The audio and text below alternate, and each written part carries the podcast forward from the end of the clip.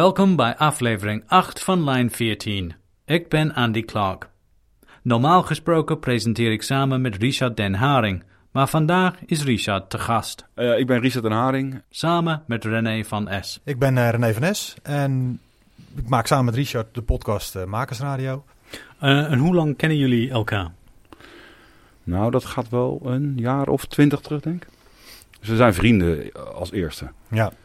En jullie hebben ook uh, radio samengemaakt voordat jullie begonnen zijn met, uh, met podcasten. Wat was dat? Hoe ging dat? Dat was live radio bij de lokale omroep. In eerste instantie bij uh, Stadsradio Zoetermeer. En toen zijn we naar RTV Rijswijk gegaan, volgens mij, nog Ja, een paar RTV. maanden. Ja. En toen dachten we van, we komen uit Leiden, dus waarom gaan we niet iets in Leiden doen? En dat vonden ze prima. We hebben een demootje gestuurd en toen zijn we eigenlijk eh, in, eh, in Leiden-dorp aan de gang gegaan. En dat is later uitgegroeid tot de zender van Leiden, Unity FM. En maakten we een wekelijks programma. En eh, uiteindelijk zaten we volgens mij een keer in de auto. Ja. Toen zei jij ineens uit het niets van, zullen we de school voor journalistiek gaan doen? Ja. En ehm, toen dacht ik, ja, wat is dan een rare opmerking. En toen eh, zijn we nog eens verder over na gaan denken. En toen bleek dat toch eigenlijk wel heel leuk. Toen zijn we de school voor journalistiek gaan doen, uiteindelijk. Oké, dat was een aantal jaar geleden dan. Dat is eh, nu, denk ik, tien jaar geleden. We hebben het allebei gehaald ook uh, de hele tijd. eh, opmerkelijk ook. opmerkelijk, zeker. Had niemand verwacht. nee. En toen, ja, jullie waren dan radioliefhebbers. En nu zijn jullie bezig met podcasten. Dus Ja. die stap is gemaakt. Wa- Was dat omdat jullie zoveel fans hadden bij de lokale radio? Ja, stond echt voor de deur. Ja? Massa's. Nee, het was eigenlijk zo dat we... We maakten dus een wekelijks programma en da- ja, dan interview je wat mensen. En dat was natuurlijk altijd live. En ehm, met heel veel ook saaie momenten erin natuurlijk. En, en je moest veel voorbereiden. Daar hadden we op een gegeven moment gewoon geen zin meer in. Hè? Dat was ook... Ja, ook, ook de routine. Hè. Dus het was, het, we, we hadden eh, leuke programma's, we dachten erover na. En we hadden natuurlijk met de input van de, van de opleiding... hadden we daar ook eh, natuurlijk gebruik van gemaakt. En, en nou ja, soort steeds beter worden. En op een gegeven moment kwam er een beetje een klad in. En, en ook met voorbereiden. Maar ook elke, eh, elke week, weet je wel. Dus elke vrijdag. Van, we hebben ook heel veel geschoven in de programmering. Maar wekelijks zat je bijvoorbeeld van vrijdag van 6 tot 8... had je dat programma. Dan moet je dat voorbereid hebben. Dat is allemaal vrije tijd, hè. Ja, toen kwam volgens mij, zo heb ik het ervaren, kwam René met het eh, Radiolab, eh Amerikaanse podcast. Kende ik niet. Ik, ik luisterde niet naar podcast. eh, en, en toen zei hij van, ja, dit is zo mooi. De manier waarop het verteld wordt, de manier waarop het gemonteerd is. ja. En toen zijn we eigenlijk ja, en dan daarbij ook nog het voordeel dat we dus niet meer wekelijks hoefden uit te zenden. Dus we konden nu aan iets. En toen zijn we eigenlijk aan een, aan een programma begonnen met het idee van, joh, we gaan iets heel moois maken. Voor ons gevoel. En zitten niet vast aan dat het uitgezonden moet worden op een bepaald moment. Dus we kunnen het helemaal thuis doen en dat zijn we gaan doen. Oké, dus toen kwam de overstap naar podcasten. Ja. We gaan pak een beet 120 jaar terug. Ik hoef mijn ogen maar dicht te doen. En ik ben terug in het oude laboratorium waar nu de rechtenfaculteit in Leiden in zit. En al die hoeken en die gaatjes. Installaties met allemaal pompen en allemaal condensatoren en allemaal pijpen en allemaal dit en allemaal dat. Het was een complete koude fabriek. Het was een complete koude fabriek. Het was een complete koude fabriek. Wat heeft Dirk van Delft eigenlijk met deze koude fabriek? Nou, hij heeft een biografie geschreven over de oprichter van deze fabriek. Ja, ik ben altijd... eh, Een biografie over hoogleraar Heike Kamerling Onnes. Ja, ik heb eh, natuurlijk zoveel mogelijk materiaal verzameld van die man. Maar je leert natuurlijk het meeste en het leukste natuurlijk aan de hand van archiefonderzoek. in zo'n archief kom je toch altijd wel aardigheid tegen die toch zo'n eh, ja, wat, wat krent in de pap eh, betekenen. Een voorbeeld uit dat archief is een verhaal over Heikes buurman, hoogleraar Willem Eindhoven. Het was de buurman van Kamer Onders. hè. Hij experimenteert met de eerste hartfilmpjes. En dat apparaat waarmee die Eindhoven die hartfilmpjes maakte, dat was super, super, super gevoelig. Als daar bij wijze van spreken een muis voorbij trippelde, had hij al een, had hij al een uitslag. Dus ja, het moest dus heel trillingsstil zijn. Maar goed, 30 meter verderop zit Heike. Met al die pompen, ongelooflijk grote pompen, echt van meters lang, eh, eh, op koel. De techniek die hij toepast werkt volgens het principe van een koelkast, maar dan op een veel grotere schaal. Ja, dat gaf natuurlijk een geweldig gedreun, een geweldig kabaal. Maar voor die Eindhoven natuurlijk een heel veel gedreun in de grond. Dus als Kamer Onders zijn pomp aanzette, kon hij het wel schudden. En ehm, dat leidt tot een conflict. Hoe lang hebben jullie gedaan over jullie eerste podcast? En waar ging het over? Ja, dat was kou Leiden. En ik denk dat we daar, dus met, dat we daar toch echt wel een jaar over gedaan hebben. En daar hebben we natuurlijk eerst, eerst was, wat we wisten, was dat er dus het koudste punt, dat is van Kamerling Onnes, uh, de, de Nobelprijswinnende natuurkundige. En die heeft op een gegeven moment in Leiden uh, heeft hij, uh, heeft hij het koudste punt ontdekt. En wat we nu nog steeds het absolute nulpunt. En daardoor, toen was Leiden dus even het koudste punt ter, op de wereld. Nou, dat wisten we. En daarvoor hadden we eigenlijk het thema kou. En toen hadden we zoiets, ja, dan willen we dus om kou heen willen we dus meerdere verhalen. En toen hebben we uh, twee bergbeklimmers uit de regio. Dat is allemaal connectie met Leiden. Ja, die gingen de Mount Everest beklimmen. En dat waren hele ervaren mannen. Dat is een soort, uh, je gaat mee de berg op, weet je. Het is een heel spannend verhaal eigenlijk over, uh, over een beklimming. Ja. Maar ook weer met kou. Ze klimmen verder richting de top. Toen zag ik iemand uh, in foetushouding liggen op de wand. Hè, dus die, die ligt daar. En uh, zijn hoofdlampje die lag onder zijn, onder zijn achterste. Dat brandde nog. Dus ik dacht, oh jee, oh jee, wat is hier aan de hand? Uh, er was iemand van de vorige dag. Die was achtergelaten door zijn groep. Onze twee Sherpa's, hè, Peter en ik liepen omhoog met Elke Sherpa en Namja Sherpa en Pasang. En die hebben zich over hem heen gebogen samen met iemand anders die er al stond. Op een gegeven moment zie je dat ze doorlopen. Toen heb ik voor mezelf geconstateerd van deze man is dus niet meer te redden. Die is opgegeven. Uh, die gaat hier sterven. Die ligt op het pad. Is aangehaakt aan het touw. Moet je jezelf losmaken. Je loopt er naar hem toe. Je haakt uit. Je stapt om hem heen. Haakt weer aan en loopt verder. Heeft het altijd een wetenschappelijke thema? Ja, meestal proberen we er wel iets van wetenschap uh, in, in te weven. Maar uiteindelijk gaat het natuurlijk niet over wetenschap. Het gaat gewoon over mensen en de dingen die ze meemaken en de ervaringen die ze hebben. En de manier waarop ze ja, de, naar het thema kijken. Eigenlijk. Ja, hoe ze ermee omgaan. Ja, ja. En heeft het altijd een link met Leiden? Uh, tot nu toe wel. Ja. En waarom? Kiezen ja, jullie we, daarvoor? Ja, we komen uit Leiden en we... In eerste instantie hebben we subsidie aangevraagd bij Leidse fondsen. Ja. Want we waren natuurlijk een, een, lokaal programma en uiteindelijk een soort van lokale podcast. Dus we hebben subsidie aangevraagd bij lokale fondsen. En toen dachten we, ja, het moet ook wel over Leiden gaan. Maar tegelijkertijd gaat het eigenlijk ook weer niet over Leiden, toch? Bedoel, nee, het is net zo goed in Amsterdam. Het is heel universeel wat Ja. er gebeurt. Maar wij hebben wel echt vanuit die uh, subsidie, want we hebben natuurlijk echt, echt met z'n tweeën hebben we in ieder geval, ik denk wel 15, 12 jaar uh, samen uh, lokale radio gemaakt. Met wat onderbrekingen. En dat hebben we altijd natuurlijk vrijwillig gedaan. gewoon prima naast, gewoon als hobby. En we hadden hier zoiets van, ja, weet je, als we een budget kunnen krijgen, dan kunnen we gewoon, ja, dan kan je gewoon meer tijd eraan besteden. Dan kun je gewoon uh, meer, meer eraan doen. En er, zaten, zitten ook ontzettend veel uren in. Dus uh, we hadden zoiets, ja, als we subsidie willen aanvragen, dan is het... En wij dachten ook aan de universiteiten, de, uit die richting is uiteindelijk niet zo heel veel gekomen. Maar ja, dus bij de cultuurfondsen hebben we dus echt... En dan gaat het ook, hen gaat het natuurlijk ook om de regio. En dat is, dat is gelukt. Dus voor de eerste vier afleveringen hebben we toen een subsidie gekregen. En uh, nou ja, dat, uh, dat dekte wel een flink deel van de, van de kosten.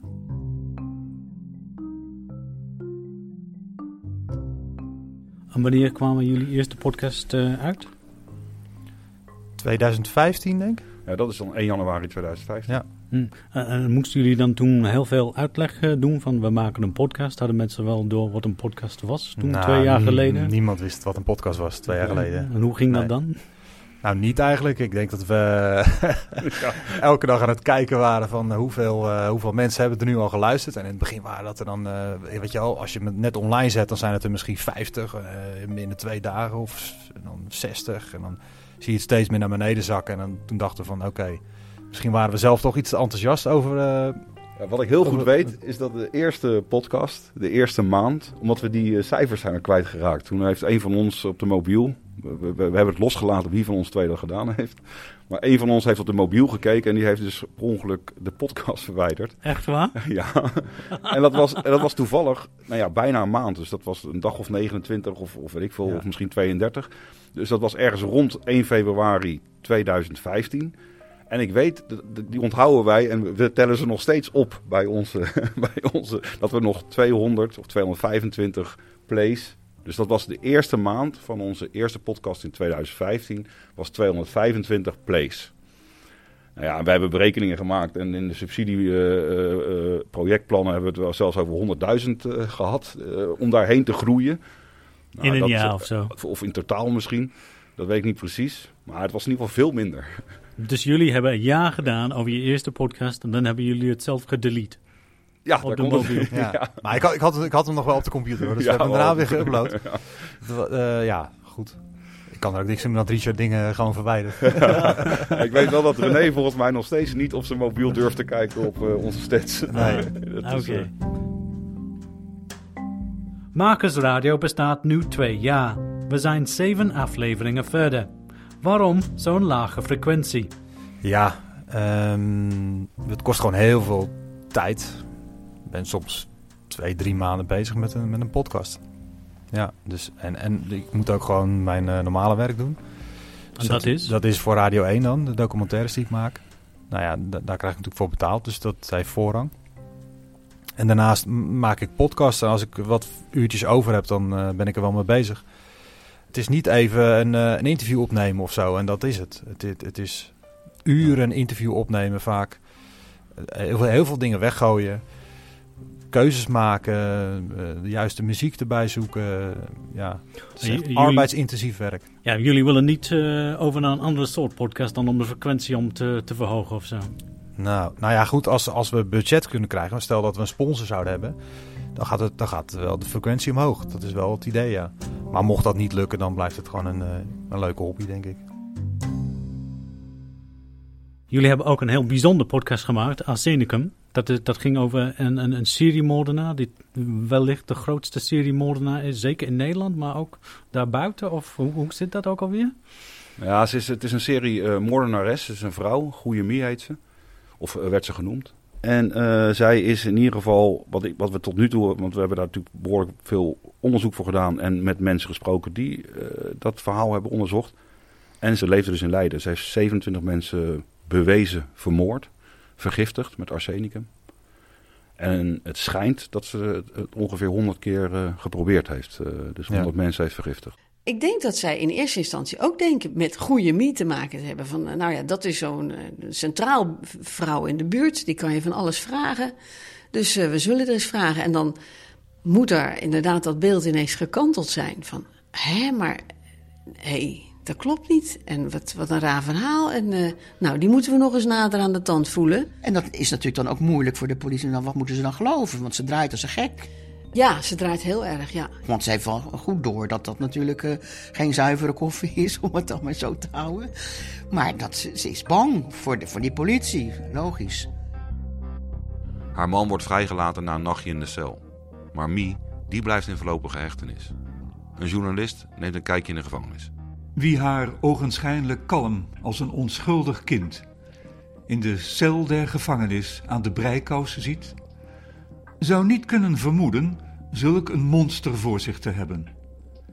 Bedaard keuvelt zij met haar beide bewaaksters over allerlei zaken. Doch vermijdt met fijn gesponnen overleg en geslepenheid alles wat op hare zaak betrekking heeft. Halsstarrig blijft zij alle onschuld aan de haar ten laste gelegde misdaden ontkennen en bewaart eenvoudig het stilzwijgen wanneer zij bij het verhoor in het nauw wordt gebracht. We hebben het eigenlijk een beetje als een soort detective eh, thriller, radiothriller zou je kunnen zeggen, hebben we het ingekleed, zodat je dus steeds wat informatie krijgt. Hè, er is iemand vermoord, de politie komt, het kindje is ook dood, eh, vrouw is ook dood, vader zwaar ziek. En zo langzamerhand word je in het verhaal getrokken. En dat, dat proberen we eigenlijk een beetje een soort page-turner, zoals het een beetje in de, in de boeken. Eh, dus dat je eigenlijk de neiging om, om, ja, om door, te, door te lezen. Dat is de techniek die jullie hebben geleerd. Nou ja, ik denk al heel veel mensen zo'n verhaal zouden maken. Dan zouden ze gelijk in, de, in, in het intro al eh, vertellen hoe belangrijk dit is en hoe groot deze seriemoordenaar is. De klassiek Eh, krantenjournalistiek, alles weggeven in de intro en dan... Ja, En dat wilden we eigenlijk niet doen, omdat in, Leiden heel veel mensen het verhaal wel een beetje kennen. Niet, niet tot in detail hoor. Eh, dus we wilden het eigenlijk lang- inderdaad langzaam ontvouwen zoals een, een thriller of een detective op de televisie. En eh, volgens mij zijn we er aardig in geslaagd toch? Ja. Wat voor reacties hebben jullie gekregen Nou, dan? toen ging het pas echt lopen. ja. Na, na, na Arsenicum, want dat vonden ze in Leiden natuurlijk fantastisch. Eh, want onze goede Mie, terwijl het gewoon natuurlijk een klote wijf was. ja. Toen, toen eh, Ja, toen hebben we op de, de Nacht van de Kunst en de Kennis gestaan in de stad Schouwburg eh, in 2015 volgens mij. In Leiden. September 2015 eh, in Leiden. Dat noemen we dan podcasttheater. En dat betekent eigenlijk met een beetje zitzakken en in, in, in, in, in een beetje relaxte ambiance. eh, dan regelen we van die silent eh, disco eh, eh, koptelefoons. Wijntje erbij. En dan eh, met een ja, twintig mensen in zo'n groepje. Zoals het Luister naar een verhaal van een Syrië-moordenares. Eén van de top 5 van je eigen stad. In de hele wereld, toch? Ja, dat is Ja. mooi. Ja. Ja. En dan krijg je een koptelefoon op en dan drukken we op play. Het proces tegen Mie begint pas op donderdag 23 april 1885. Om 10 uur 's ochtends zit de rechtbank in Den Haag volgepakt. Ook de krant is aanwezig. Bij het intreden der gifmengster in de gerechtszaal, door twee veldwachters begeleid, gaat er een gesmoorde kreet van afgrijzen op uit het publiek. Ja, ze wordt natuurlijk een beetje gekenschetst als een, ja, een moordenares van heel veel eh, mensen. En dat is zo'n image, maar ze ziet er heel gewoon uit. Zij is een vrouw van middelbaar postuur, van middelbare leeftijd, gekleed in jak en rok met omslagdoek. Een heldere muts met keelbanden, waaronder van voren het pikzwarte haar uitkomt. Het gezicht is vrij rond en enigszins taankleurig. Ja, dus ze schrikken en ze, ze kijken echt naar een monster voor hun gevoel. Ja, dat, zijn allemaal die kleine stappen die eh, wat bekendheid geven. Bijvoorbeeld Kou Leiden, dat, dat werd dan later bekend. Dat won de Olon Award voor beste lokale radioprogramma. En eh, dus dat geeft natuurlijk weer wat, wat, wat aandacht. En eh, dat podcasttheater wat we deden, dat hebben we niet alleen in de Schouwburg gedaan, maar bijvoorbeeld ook in, ehm, in het Naturalis After Dark Festival, in het Museum Naturalis. En met zo'n podcasttheater, ook al zijn er 10, 20, 30, 40 mensen, dan kun je toch een beetje de stemming peilen van eh, hoe valt die. Dat is ook een tip dan voor andere podcasters. Doe ook live events. Treed ook Ja. op in het publiek. En dan, dan heb je ook veel, Als het meteen feedback in ieder geval. Ja, dat vonden wij heel fijn in ieder geval. Ja. Ja. en het is ook onwijs leuk om te horen. Kijk, bij lokale radio, eh, als je een beller krijgt of zo, weet je, oké, er wordt geluisterd. Gebeurt dat overigens ook niet zo heel veel hoor, in onze uitzending. Maar het is gewoon ontzettend leuk. En dat was ook wat, precies wat wij zeiden. Want we zijn natuurlijk nooit gewend aan groot publiek of, of geld verdienen of wat dan ook. Dus het, voor ons was het zo gaaf al eigenlijk dat we zeiden... hey, 50 mensen hebben geluisterd. Dat was natuurlijk veel te weinig met wat we hadden. Of we hadden gedacht dat dat veel beter zou gaan. Maar dan nog, eh, dat je gewoon dat je denkt... hey, 50 mensen hebben ons verhaal geluisterd. Oké. Ehm, en waar, waar nemen jullie op? Hoe, waar maken jullie die programma's? En, ja. Vooral eh, thuis. Ik, eh, ik, ik, ik zit gewoon achter een laptop met een eh, groot scherm erbij en een, eh, en een montageprogramma.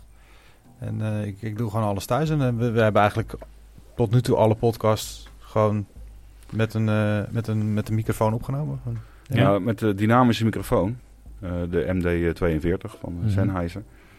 En, eh, en de Marantz. dus, eh, en dan hebben we er één. En, eh, maar in principe is het eigenlijk eh, lepelen met, eh, met de Sennheiser microfoon. En een, eh, en een opname Marantz, eh, wat is het, de PM660 of zo. eh. ja, echt die verslaggevers eh, recorder. Solid State Recorder. ja. En, en, en monteren in welke programma dan? Ik monteer in Audition eigenlijk. Adobe Audition. Ja, prima programma, denk ik, ja. Ja, ik ook. We zijn toen de tijd...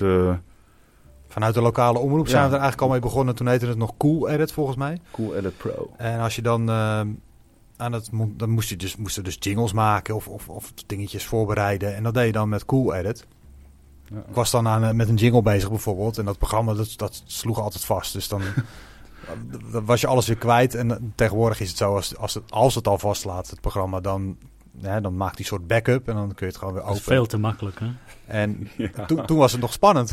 ja, het was altijd, en dan, hij was ook altijd... save dan, save dan. Save dan een keer. Want dan weet je in ieder geval dat je niet helemaal terug naar nul hoeft.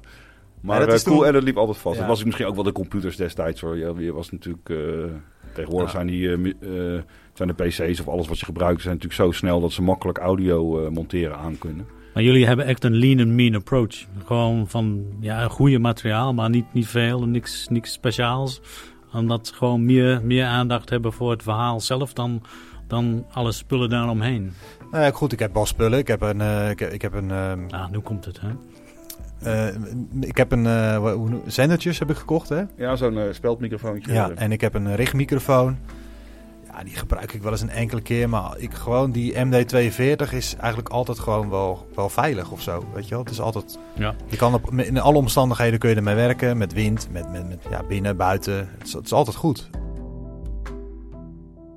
En jullie zitten ook op eh, Patreon, eh, begrijp ik. Dat is eh, ja, een soort crowdfunding platform. Ja, dat is nog een beetje nieuw. Hè? We, zijn eigenlijk, eh, we hebben pas een account aangemaakt. Kort geleden. Ja. We zagen dat andere podcasters dat ook eh, deden. En nou ja, we zijn zelf altijd een beetje, eh, is een beetje moeilijk om geld te vragen, zeg maar. Het, het zit niet echt in ons DNA, denk ik. Hè? Waarom, en we- wa- waarom dan? Eh, ja, dat is, ja, weet ik eigenlijk niet. Toch Ja, een beetje moeilijk. Een beetje, eh, ja, Oké. ja, we hebben liever geen geld. Nee, we hebben heel veel geld liever natuurlijk. Maar, eh, Nee, maar we hebben natuurlijk wel ook subsidie aangevraagd voor, eh, voor eh, een aantal afleveringen van Makers Radio. Maar dat is ook een heel moeizaam proces. Hartstikke blij mee. Eh, Fonds 1818, eh, eh, Prins Bernhard Cultuurfonds heeft ons een keer gesteund. Maar ehm, dat is een heel lange weg. En wij doen het omdat we het echt zelf heel erg leuk vinden, Makers Radio. Dus daarvoor is het ook wel een drempel om aan de mensen juist eh, geld te vragen. Aan de andere kant, Patreon is zo... ehm, nou, de manier van Patreon, wat het eigenlijk gaat om een maandelijkse betaling, waar je sowieso altijd mee kan stoppen wanneer je dat wil. En het gaat ook echt om een eurotje per maand. Wij hebben natuurlijk een aantal, nou, we zitten eh, duizenden luisteraars toch. Het duurt even, maar we hebben dat wel. En je hebt dan wel zoiets, ja, als 10% eh, elke maand een euro geeft, daar zouden wij het voor, eh, van kunnen doen. Dat is ook een mooie manier voor een luisteraar om waardering te laten zien, toch? ja, En hoe kunnen mensen jullie dan vinden? Hoe werkt het? Ja, via makersradio.nl is echt de, de makkelijkste manier. ja, er staat een link gewoon naar Patreon-site. En eh, daar kun je ook eh, voor een eenmalige donatie zelfs terecht. Ja. En eh, hoe zien jullie de toekomst van, eh, van de podcast in Nederland dan de komende jaar? Ja, ik, ik, zie hem rooskleurig. Ik, denk niet dat het binnen een jaar eh, in verhouding succes gaan krijgen zoals in, in Amerika. Maar ik geloof wel dat het zeg maar, de komende vijf tot tien jaar, en zo lang gaat het volgens mij wel duren, dat het dan wel gewoon een gevestigd medium wordt en dat dat gewoon naast tv, radio, ehm, internet, nou ja, gewoon als een, een medium, zoals bijvoorbeeld de geschreven pers, eh, net zo eh, bestaat, zelfstandig, audio, als eh, al alle andere media. De toekomst denk ik is dat radio helemaal niet meer bestaat, denk ik. Dus dat het allemaal via de podcast gaat. Dat straks de techniek daarvoor is. Dat je gewoon in je autoradio zit en dat je gewoon even een, een, heel simpel een keuze maakt van dit wil ik nu luisteren. Dat denk ik echt dat er gaat komen. Maar of dat binnen nu en vijf jaar zo is, dat denk ik niet. Die live radio zal er nog wel even blijven. En, die nieuwsfunctie is misschien ook wel handig. Hè? Als er iets als er een, een calamiteit is, hè? dan, dan Ja. kun je inspringen. Ja, dat is misschien het enige. Een podcast heeft geen actualiteit. Dat- is per definitie ben je te laat mee. Maar uiteindelijk denk ik dus wel dat de radio gaat verdwijnen, de live radio. En we roepen zeker alle lokale eh, radiomakers om gewoon eigenlijk hetzelfde te gaan doen. Van joh, als je het leuk vindt, ga gewoon eh, ook eh, buiten dat stukje live. Ga gewoon eens eh, aan de slag met, eh, met podcast. Want dat, dat zijn de jongens die, eh, en meiden die het, die het al kunnen. En ja, maak die stap naar podcast. Hartstikke leuk. En de mensen kunnen je over heel Nederland horen. En je bouwt je eigen publiek op. En dat gaat minder hard dan je denkt. Maar het groeit wel. Lijkt me een heel mooi eh, gedachte om hiermee af te sluiten. Heren, danken jullie wel. Oké, nou, dit was het laatste aflevering van eh, seizoen 1. eh, dus eh, we zijn volgend jaar terug. Er zijn meer Line 14's te, te vinden in gebruikelijke podcastplekken. Apple Podcasts, Android, waar je je podcast eh, vindt. Tot volgend jaar.